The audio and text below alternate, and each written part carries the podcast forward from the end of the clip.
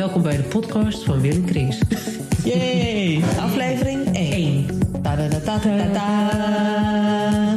We zijn begonnen.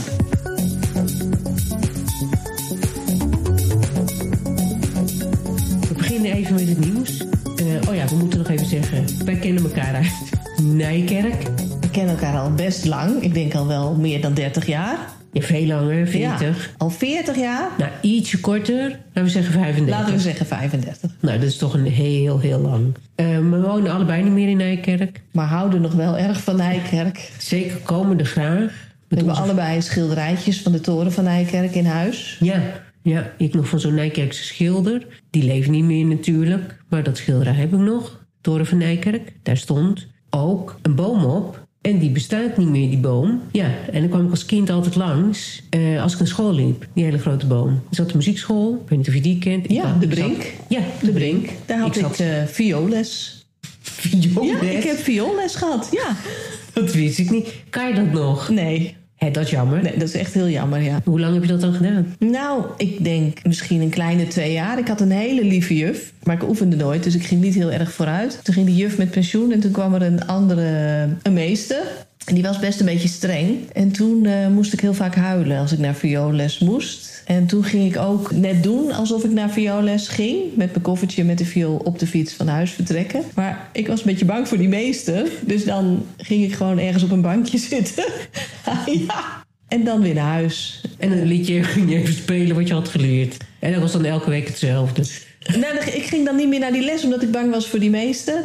Ja, ja, en toen op een gegeven moment heb ik denk ik, ik weet niet hoe het is gegaan, maar ik denk dat mijn ouders daar ook wel achter kwamen en toen is het gestopt. Maar ging je dan, dacht iedereen dat je echt nog naar die vioolles ging? Ja. Oké, okay, er werd ook nog voor betaald. Zeker. En, maar weet je, als ik dan thuis viool ging oefenen, viool is echt een moeilijk instrument om een mooi geluid uit te krijgen. Als kind lukt je dat gewoon eerst niet. Dus als ik dan aan het oefenen was op zolder, ik probeerde altijd al te oefenen als er niemand thuis was. Maar soms was er toch een broer of zus thuis. En die gingen dan onder aan de zoldertrap staan en die deden dan.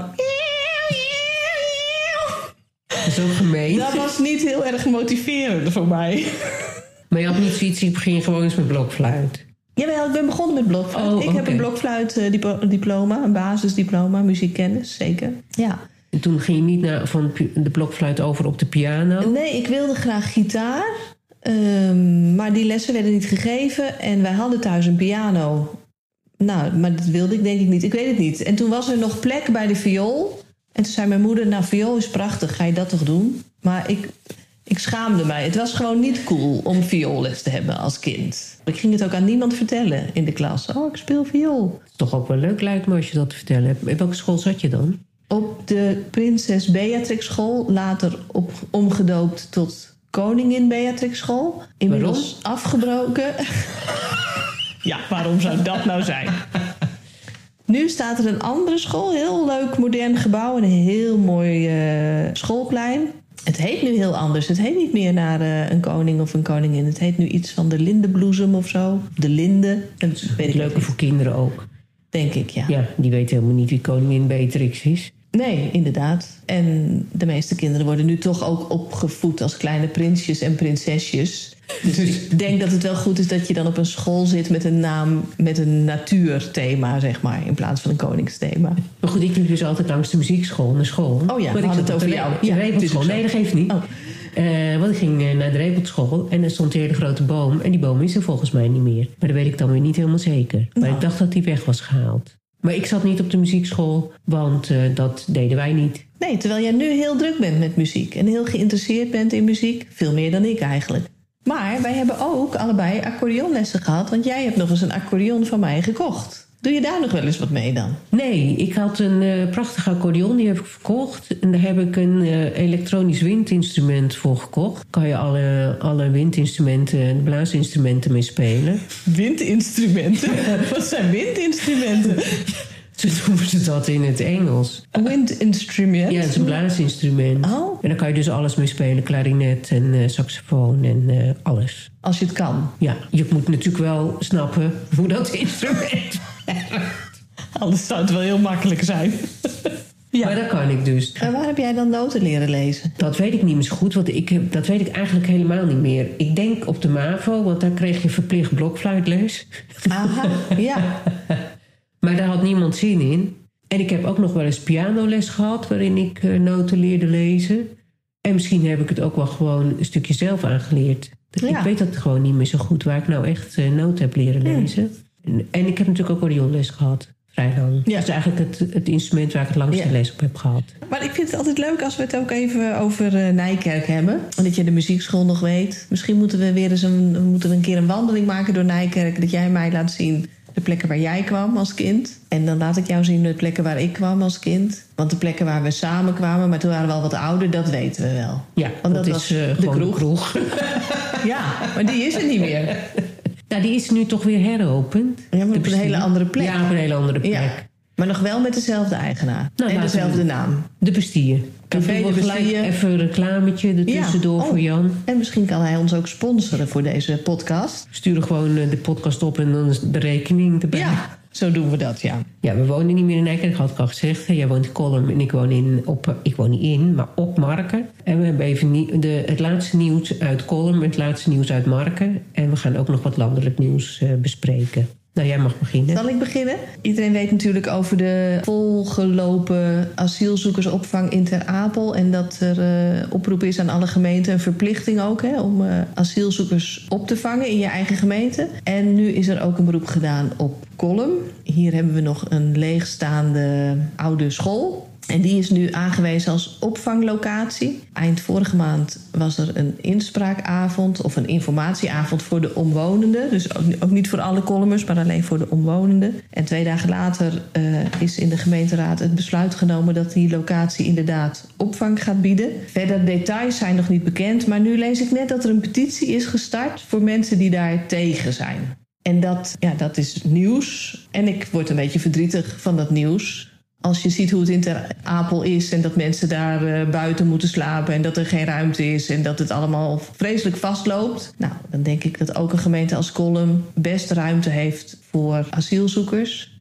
We lossen, er is gewoon een groot probleem. Ik weet ook niet zo goed wat ik er nu over wil zeggen, maar het is een hartstikke groot probleem met die asielzoekers. En ik snap ook echt wel dat dat niet 1, 2, 3 is opgelost en dat het voor sommige mensen heel moeilijk is. Maar ik denk toch dat we dat. Ik denk dat we die mensen gewoon welkom moeten heten en als mensen moeten behandelen. Het zijn mensen in een moeilijke situatie en dan moeten we niet meteen het oordeel over hebben dat die mensen niet deugen of dat die mensen crimineel zijn of dat het alleen maar gelukzoekers zijn. Het zijn mensen met, met hun eigen sores, net als wij allemaal. Of de oplossing voor hun is dat ze in Nederland moeten blijven. Dat weet ik niet, maar ze zijn er nu eenmaal en dan moeten we daar zo goed mogelijk mee omgaan. Ik ben heel benieuwd hoe dat gaat. En waarom zijn ze tegen? Staat dat ook in de petitie? Of is het gewoon alleen maar, we hebben een petitie gestart, want we zijn tegen? Zij vinden de kans op overlast, intimidatie en criminaliteit. Daar maken ze zich druk om. Ze vinden ook dat onze kinderen al eh, problemen genoeg hebben, want die kunnen geen huizen kopen of huren. En dat de nieuwbouw kan niet gerealiseerd worden in verband met de stikstof. Dus we hebben problemen genoeg, zeg maar. Dus ze vinden als we die asielzoekers hier ook krijgen, dan krijgen we er nog een probleem bij. En dat kunnen we eigenlijk niet handelen. Hebben ze Dat geen eh, personeelstekort? Dat is niet het eerste waar ze aan denken. En dat, en dat is misschien ook, het is ook nog maar de vraag, hè, want het zijn allemaal mensen die ook nog niet een eh, verblijfsstatus hebben. Dus dat, en die mogen ook nog niet werken, dus daar hebben we niet zoveel aan. Eh, ik hoopte zelf eigenlijk op de komst van een Arabische winkel in Kolm. Want daar kan je altijd heel lekker eten halen. En zo'n winkel hebben we hier nog niet. Dus ik moet dan altijd naar Leeuwarden of naar Groningen. Dus ik dacht, misschien is er nu wel reden om dan toch hier een leuke winkel te hebben... met van die lekkere platte broden en met die Oosterse kruiden en zo. Maar goed, daar overtuig je de tegenstanders natuurlijk niet mee. Dat snap ik ook heel goed. Dat is natuurlijk al de- als ze bang zijn voor criminaliteit van een zesjarig kind of zo. Dat, eh, Ja, het nee, maar ik snap ook wel, ik snap mannen. ook wel de. Ik snap best dat mensen dat ook spannend vinden. Dat snap ik wel, ja. En er is hier een heel gro- groot asielzoekerscentrum geweest, maar toen woonde ik hier nog niet. En sommige mensen die eh, herinneren zich dat daar eh, heel veel overlast toen kwam. Dat er meer diefstal was in de winkels en zo. Maar andere mensen herinneren zich dat helemaal niet. Dus die herinneringen zijn ook wat gekleurd. Sommige mensen zeggen ja, maar toen hadden we hier het asielzoekerscentrum en toen hadden we grote rellen. Maar volgens mij kwamen die rellen pas uh, nadat er hier een moord was gepleegd. de moord op Marianne Vaatstra, die is in, Kolm, uh, in de omgeving van Kolm gepleegd. En toen waren heel veel mensen ervan overtuigd dat dat door een asielzoeker was gedaan. Maar dat bleek later door gewoon ook een boer uit deze omgeving gedaan te zijn. Het roept allemaal veel emoties op in ieder geval. Spannende tijden voor zo'n kleine gemeente als Kolm, denk ik. Hè? Ja. Is de batterij op? Wat gebeurt er? Nou, ik denk dat ik gewoon een berichtje krijg of zo. Oh? Oh, op de ik denk WhatsApp gewoon een, een e-mail en dan krijg ik dan een bericht over. Oh. Ik kan me wel voorstellen in, dat je zeg maar in kleine gemeentes ook een beperkt aantal, eh, hè, dat je er niet een paar duizend kan opvangen, omdat dat misschien de lokale bevolking te veel ontwricht. Maar dat je het ook steeds af moet zetten tegen wat kan. Maar nou had- keek ik gisteravond even naar eh, andere tijden. Dat was leuk. En dat ging over de woningnood eh, in de in wederopbouw. Toen hebben ze een miljoen woningen eh, gemaakt. Maar toen was er ook dat, en daar heb, je, daar heb je het nu ook over, hè, over woonschaamte. Toen werden ook gewoon huizen ingevorderd voor men- mensen die in een heel groot huis woonden. Ja, dat las ik ook, ja. Ja. Ja. Daar kwamen ze gewoon langs en zeiden ze... ja, u woont hier maar met z'n tweeën. Ja. Nou, dat zal je maar gebeuren. Ja, dat, dat ze bij jou aan de deur komen Ja. en zegt... nou ja, u woont hier maar met. Bij mij op Marken. U heeft wel heel veel ruimte Ja. voor met z'n tweeën. Er kan wel iemand bij. Nou, dat, dat klopt wel bij jou, want je hebt inderdaad wel een heel groot huis. Nu mijn kinderen de deur uit zijn, hebben wij ook eigenlijk wel eh, heel veel ruimte. Ja, dat kan zomaar ingevorderd Ja, worden. Dat, zeker. eh, ja, dat waren nog eens leuke tijden. Dat zal je gebeuren, ja. Ja. Maar dan toch maar liever in die oude school, wil je eigenlijk zeggen. Het kan altijd erger. Zo kun je ook naar de problemen kijken. Nou ja, Een beetje omdenken. Gelukkig komen ze in een oude school en niet bij de mensen op Thuis. hun ingevorderde kamers. Ja, Ik vind het wel... eh, ja, als je het kan zo bekijkt, gebeuren, ja. dan... Geen last van woonschaamte. dat is ook een raar woord natuurlijk. En, eh, dus dat vond ik wel grappig om eh, even te zien hoe ze toen de woningnood Ja. oplosten. Hey, maar woonschaamte, dat woord ken ik helemaal niet. Ja, woonschaamte is dus dat je met z'n tweeën in een heel groot huis woont. Kan je ook best wel kleiner gaan wonen. Oh, en dan kan ja. er een gezin in Ja. zo'n eh, woning gaan dat wonen. is natuurlijk zo. Dus dat is woonschaamte. Daar heb ik geen last van overigens. Ja, over die asielzoekers, over die mensen die hier naartoe komen. Dan denk ik, ben ik, wat jij ook, denk, meen ik, een klein beetje zegt, is van... eh, ja, kijk, je kan er van alles van vinden, maar ze komen en ze zijn niet. Dus we moeten dat ook goed oplossen met elkaar. En Ja. dat, je niet, eh, dat we niet zo ver moeten komen, wat natuurlijk wel gebeurt... is dat we artsen zonder grenzen moeten in gaan schakelen in ons eigen land. En dat is toch echt, als je nou hebt over schaamte... Ja, schaam ik mij daar wel voor.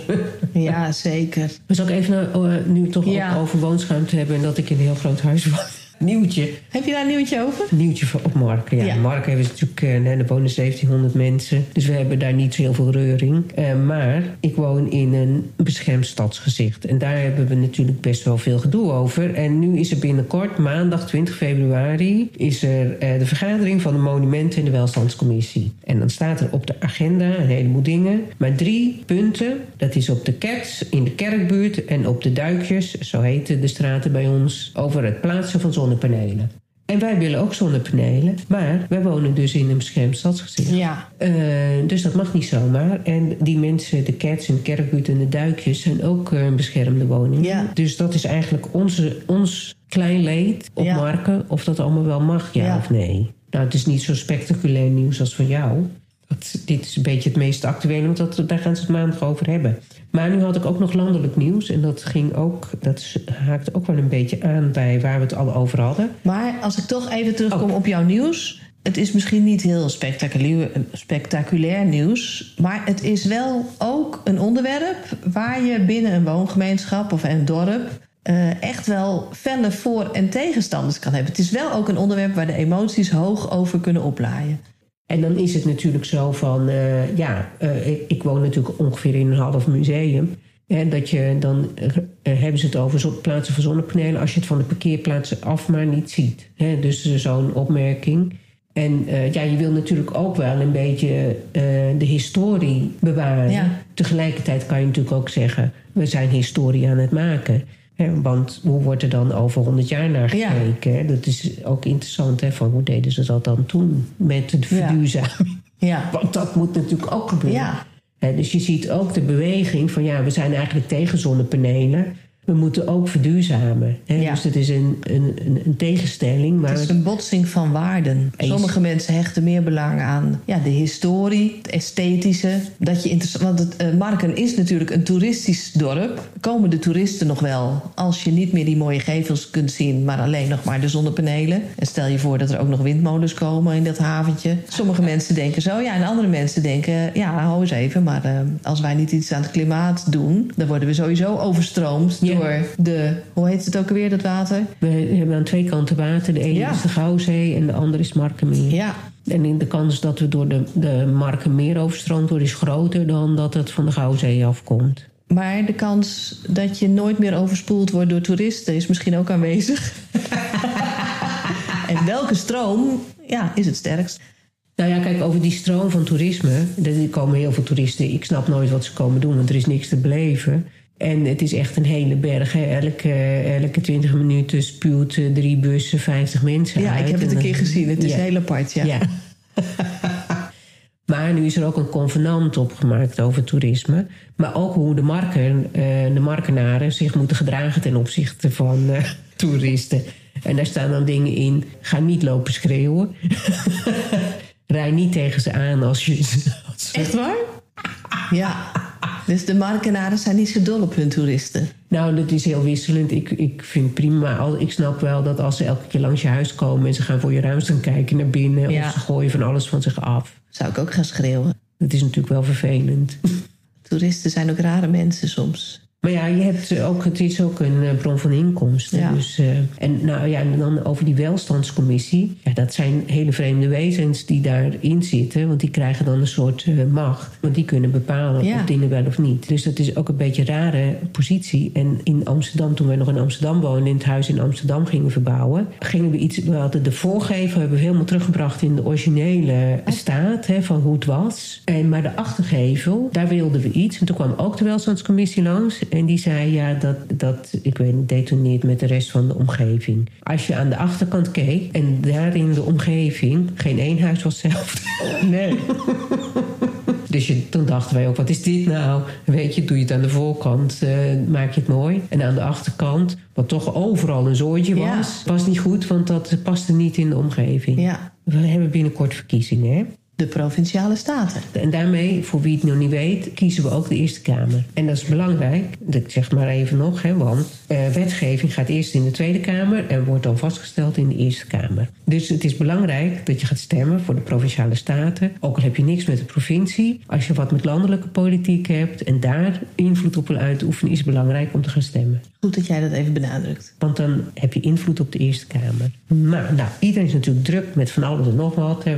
Iedereen probeert zich te profileren. PvdA gaat samen met GroenLinks. En, eh, en samen lijkt het, ziet het eruit dat ze meer krijgen dan de VVD. Dus nou, er gaat iets gebeuren in die, in die Eerste Kamer... die de Tweede Kamer gaat ontwrichten. Want dan hebben ze namelijk geen meerderheid meer. Interessant gegeven. Maar nu eh, las ik vanochtend CDA... Het CDA die heeft natuurlijk ook zwaar en die heeft ook iets bedacht. En die zegt, stelt gezin weer centraal. Nou, wat een verrassend nieuws. En wil verlofregelingen eenvoudiger maken. Het CDA wil rust, ruimte en een sterke ring rond gezinnen. Maar dat is toch helemaal niet... Er is Wat toch... vind jij hier nu van? Nou, ten eerste ben ik heel erg verbaasd. Want ik denk ook dat je moeilijk tegen gezinnen kunt zijn. Maar ik ben wel benieuwd, wat bedoelen zij dan precies met gezinnen? Want in mijn beleving zijn er heel veel vormen van gezinnen. Twee mannen, twee vrouwen, vier, weet ik veel, door elkaar heen. Samengestelde gezinnen, traditionele gezinnen. Eh, ik ben heel erg benieuwd welk gezin zij dan precies bedoelen. Ik denk dat het gezin, dat heeft allerlei gevarieerde vormen. Je kunt moeilijk tegen een gezin zijn. Ik denk dat er geen enkele partij is die zegt... nou, wij, gaan, wij zijn helemaal tegen het gezin, wij willen dat ontmoedigen. Waarom zeggen ze niet iets over hoe zij aankijken tegen inderdaad de klimaatcrisis... of hoe ze de gezondheid van mensen in het algemeen willen bevorderen... de grote tegenstellingen die er in Nederland zijn... tussen mensen die het heel goed gaat en mensen die het zwaarder hebben... hoe ze dat willen overbruggen. Ik ben het met je eens, wat is een gezin? Zijn Tess en ik een gezin? Eh, ik denk van wel, we zijn keurig getrouwd. Ja. ja. Hè, en wonen samen in een huis. En Zijn wij dan een gezin of zijn wij dan in de ogen van het CDA geen gezin? Maar ik, ik ben bang dat het bedoeld wordt man en vrouw en kinderen. Ja, dan kan ik me wel voorstellen dat je dat denkt, ja. En dat we in een soort handmade steel terecht lijken te komen. Of het is in ieder geval vrij conservatief. Waar ik dan heel veel moeite mee heb, is dat een goed gezinsbeleid is een doel op zich. Wat bedoel je daar dan in vredesnaam eh, mee? Ik ben heel erg voor een vormen van samenleven, dat je dat bevordert en dat dat cohesie brengt, ook in een samenleving. Dus daar kan ik me heel wat bij voorstellen. Nou heb jij wat wat begint te piepen. Ja, ik heb altijd wekkers op onmogelijke tijden. Moet je je bijvoorbeeld- medicatie in? Ja. ja, maar antidepressiva. Ja, dat heb je nu wel nodig met dit soort nieuws. Ja. Ja. Ik ben wel erg voor eh, allemaal kalm blijven. En vooral ook kijken of je elkaar kunt ontmoeten. Hè? En dat je dat toch weer, ja, net zoals met de asielzoekers. Het zijn allemaal mensen. We proberen er allemaal het beste van te maken. Je kunt niet alles worden wat je wilt. Je kunt niet alles krijgen wat je wilt. We moeten het samen doen. We moeten de planeet delen met elkaar. Ja, wat dat betreft ben ik wel een beetje een, eh, een hippie. ja, love, peace en happiness. Nu is het februari, eind februari. En de spanning begint te stijgen. Want het Songfestival komt eraan. Oh, ja. Oh, we stappen even over op een ander onderwerp. Ja, of Oh, wou je hier nog wat over Nee, zeggen? het was meer dan genoeg. Ja, in het kader van eh, meer aandacht voor het gezin. Vroeger Ja. keken we natuurlijk met het hele gezin naar het. Inderdaad. Mooi bruggetje. Eh, Maar vertel, het Songfestival. Want jij bent echt groot fan van het Songfestival. Ja, ik, ben ik- ben ook fan, maar meer medium. Jij bent echt wel een diehard fan. Ja. Je weet er ook heel veel van. Dus vertel. ik ga ook naar dingen toe en zo. Ja. En eh, binnenkort is ook weer Eurovision in concert. Ga ik weer heen. Ik probeer ook nog naar Liverpool eh, te gaan. Ja. Lijkt me leuk. Ga je ook met iemand? Nee, ik denk dat ik alleen ga. Ik zou best met je mee willen, Wil. Oh ja, echt waar? Ja, ja. Stel nou dat ik kaarten krijg, ga je dan mee? Ja, ik heb een feestje 13 mei. Nee joh, maar we kunnen ook gewoon op, een, op, een, op dinsdag. Even heen en weer naar Liverpool. Ja, Nou, ik ga altijd graag met jou overal naartoe. Dat is gewoon zo. tegen die tijd Heb ik het er nog bekijken we het even. Ja. Dan kunnen we de podcast doen uit Liverpool. dat is leuk. live. Ja, maar goed, dat Songfestival begint eraan te komen. En dat is altijd, in mei is het altijd en dan valt het eh, volledig stil. Maar zo in februari begint het, begint het weer eens wat te worden. En in maart, in 3 maart, wordt het liedje gepresenteerd Ja. van Nederland. Ja. Had je dat gehoord, dat dat 3 maart al is? Nee, Dat is bijna. Maar eh, ik weet, heb wel meegekregen wie ons gaat vertegenwoordigen. Maar het zijn namen die ik niet kan onthouden. Dus dat moet je ook even zeggen nog. Wie zijn het? Ja, ik kan het ook niet onthouden. Kan je het ook niet onthouden? Nee, Mia, geloof ik. En Want toen ik namelijk toen bekend werd wie ons gingen vertegenwoordigen, heb ik ze wel even gegoogeld. Ik heb even naar een filmpje van hun gekeken. En ook naar wat ze individueel al hadden gedaan. Ik vond ze wel heel leuk. Ja, ik heb even naar. eh, want ze zijn natuurlijk allebei apart. Dus het is niet een, eh, een duo. Eh, het is eh, Mia Nicolai en Dion Cooper. 3 maart wordt het gepresenteerd. En in welk programma gaan ze dat presenteren? Dat weet ik niet. Want de wereld draait door bestaat niet meer. Het kan niet meer bij Matthijs van Nieuwkerk. Want die eh, geeft ze meteen van Jetje natuurlijk. Zo wat. Bied excuses aan, wat een waardeloos lied. Wat is dit voor een kutlied? Mij. Ah, sorry Matthijs. ik wil niet meedoen aan Matthijs besje. Ik weet niet waar het wordt eh, gepresenteerd. Ik heb eigenlijk geen idee. Nee. Terwijl ik toch wel vaak inside information heb. Hé, hey, maar- het is al uitgelekt, zeggen, lees ik hier. Oh nee, dat is een... eh, Nou, de titel is uitgelekt Oh, of zo. Maar dat, eh, dus dat zit eraan te komen. Ja, Dat- leuk. dat 3 wordt maart. Spannend, Dat is al bijna. Spannend, spannend. Ik ben eerst nog jarig. Ja, ik ook. Ja, jij ook nog, ja. Of niet? Ja, volgende week ben ik jarig. Wanneer ben jij? Ik dacht de 15e, maar dat is al geweest. Maar dan zou Nee, ik het de vergeten 23e. zijn. 23e. Oh ja, ik de 27e. En dan de week daarna dus Songfestival bekendmaking. Ja, nu zijn er, waren er mensen die zeiden... ik heb er nog nooit van gehoord. Van die mensen. Ja, ik had er ook nog nooit Nee, van gehoord. ik ook niet. Maar Duncan Laurens hadden we ook nog nooit wat Nee. van gehoord. Nee, En dat bleek toch wel vrij succesvol te zijn. zeker. Ja. Wat vond je eigenlijk van het lied van eh, Duncan Laurens? Wat was het ook weer? Ja, ik vond het prachtig. Ja? Maar ik moet altijd heel lang wennen aan een lied. Ik heb Oh. tijd nodig om eh, een lied in mijn hart te sluiten, zeg maar. Dus het is zelden zo dat ik een songfestival lied... dat ik meteen denk, yes, dit is het. Chaka, dit is hem. Ja. Maar dat komt altijd wel. En dat is met de, met de inzendingen van de andere landen is dat ook zo. Als ik die voor het eerst hoor, dan denk ik... Jezus, wat een bagger. dat denk ik toch wel regelmatig. Uh, maar je moet het vaker horen. Ja, de herkenning van een lied doet ook iets. Daarom zingen wij nu ook uh, allemaal uit volle borst mee. Uh, nou ja, al die nummers van André Hazes bijvoorbeeld of zo. Omdat je het kent, omdat je mee kunt zingen. Je kent de tekst, je weet waar het over gaat. Je snapt de emotie. Ik vat dat vaak niet meteen de eerste keer. Jij ja, ik zou die emotie ook wel snappen als ik met de uh, Rasje Hazes Want zij gelooft hierbij. Nou, nou, nou, nou, nou, dat viel best wel mee hoor. Ja.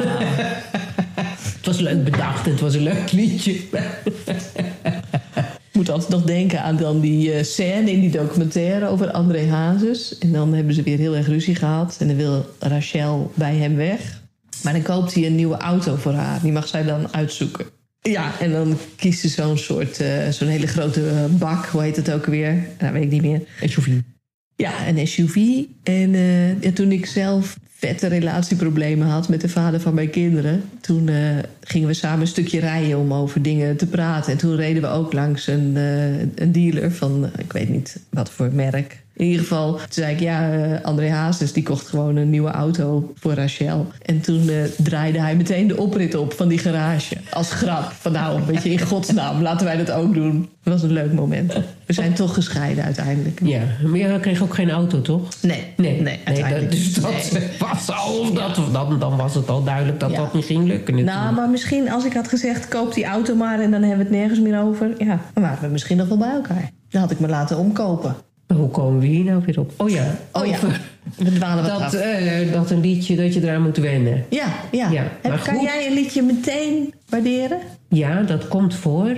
Het ontwikkelt zich ook vaak nog, hè? Want dan hebben wij het voor het eerst gehoord. Bijvoorbeeld dat toen van Ilse de Lange en uh, dingetje. Welen. De Calm, oh moeilijk woord, Calm Before the Storm, hoe heet dat? Nee, de, de calm, calm After the Storm. After the Storm. Het is toch stilte voor de storm?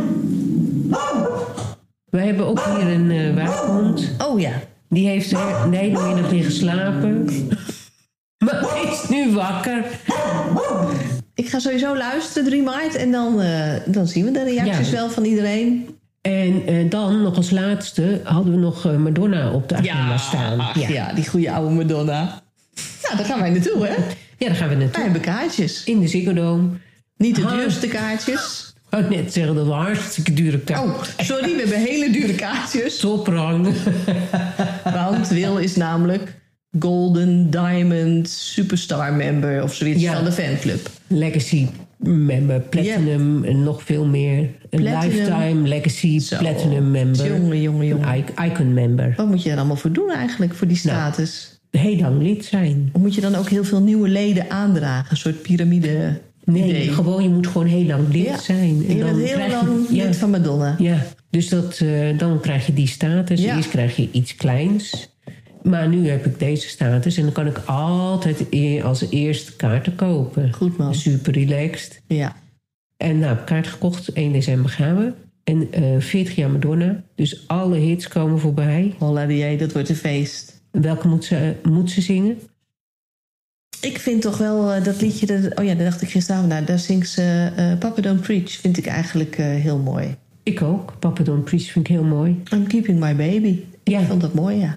Ja, en was, in toen de tijd was dat een... eh, Best wel revolutionair of Ja. zo. Of bijzonder om dat te zingen. Want ook de hele abortusdiscussie kwam eh, Ja. daarin voorbij. Zij hield dan de baby. Maar was wel, was niet... eh, En gewoon zingen überhaupt over ongewenst zwanger raken. Dat was toch wel even andere koek dan die liedjes over... oh, wat ben ik verliefd en je hebt van die mooie ogen en zo. leuk dat ik je baby krijg.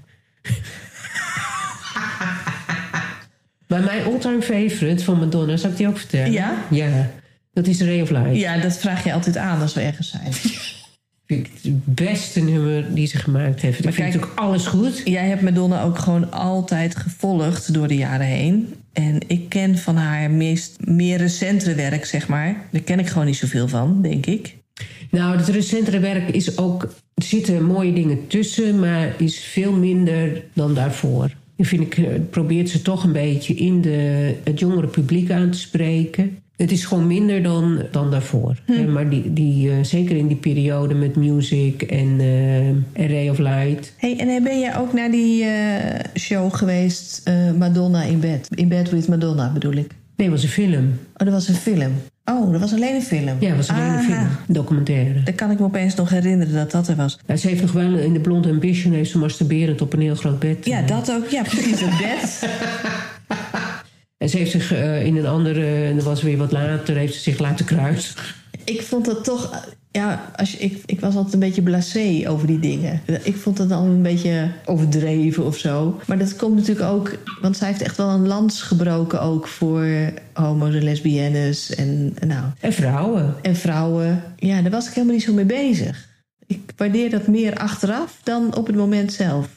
Ja, het wordt eh, denk ik super leuk. Het wordt echt fantastisch. Ik was ook een keer bij een live concert en kwam er opeens een hele eh drum eh fanfare uit het, uit het plafond. Ja. Dus die kwam niet het podium oplopen. Nee, dat kwam uit het plafond. Ja. En er waren gewoon mensen hè, die hingen daar. Ja, fantastisch. Ja. Sloeg op trommel. Dan was er nog iets wat ik erover wilde zeggen. Maar dan ben ik het even kwijt. Oh ja, ik weet het alweer. het is helemaal geen leuk onderwerp. Maar het is wel leuk om mee af te sluiten. Oh. nou, vertel. Want als ik namelijk dood ben... Ja? Ja, daar denk je dan ook wel eens over na. Ja. Wat voor muziek wil je dan Ja, die eh, leeftijd hebben we inmiddels bereikt, hè? Dat je dat, eh, denkt, ja. En ik weet, ik wil begraven worden. Ik wil een natuurbegrafenis. Dus ik wil in een bos. Ik wil niet in een kist. eh, ik wil in een lijk baden. En nou, gewoon hup, in een Ja. bos bij een boom. Ja. Lijkt me leuk. Maar als ik dan gedragen moet worden... ja, Ja. iemand moet me er ook heen brengen. In een biezenmandje. Of ik moet in een aula komen. Dan wil ik heel graag dat eh, gedraaid wordt American Pie van Madonna. Oké. In de uitvoering van Madonna. Nou, Dus niet in de originele uitvoering, dus dan weet je dat. Ja. En het is nu voor de eeuwigheid vastgelegd. Ja, en de mooiste zin daaruit is dan toch wel de Day the Music Died. dit was het voor deze keer, was denk het. ik. Hier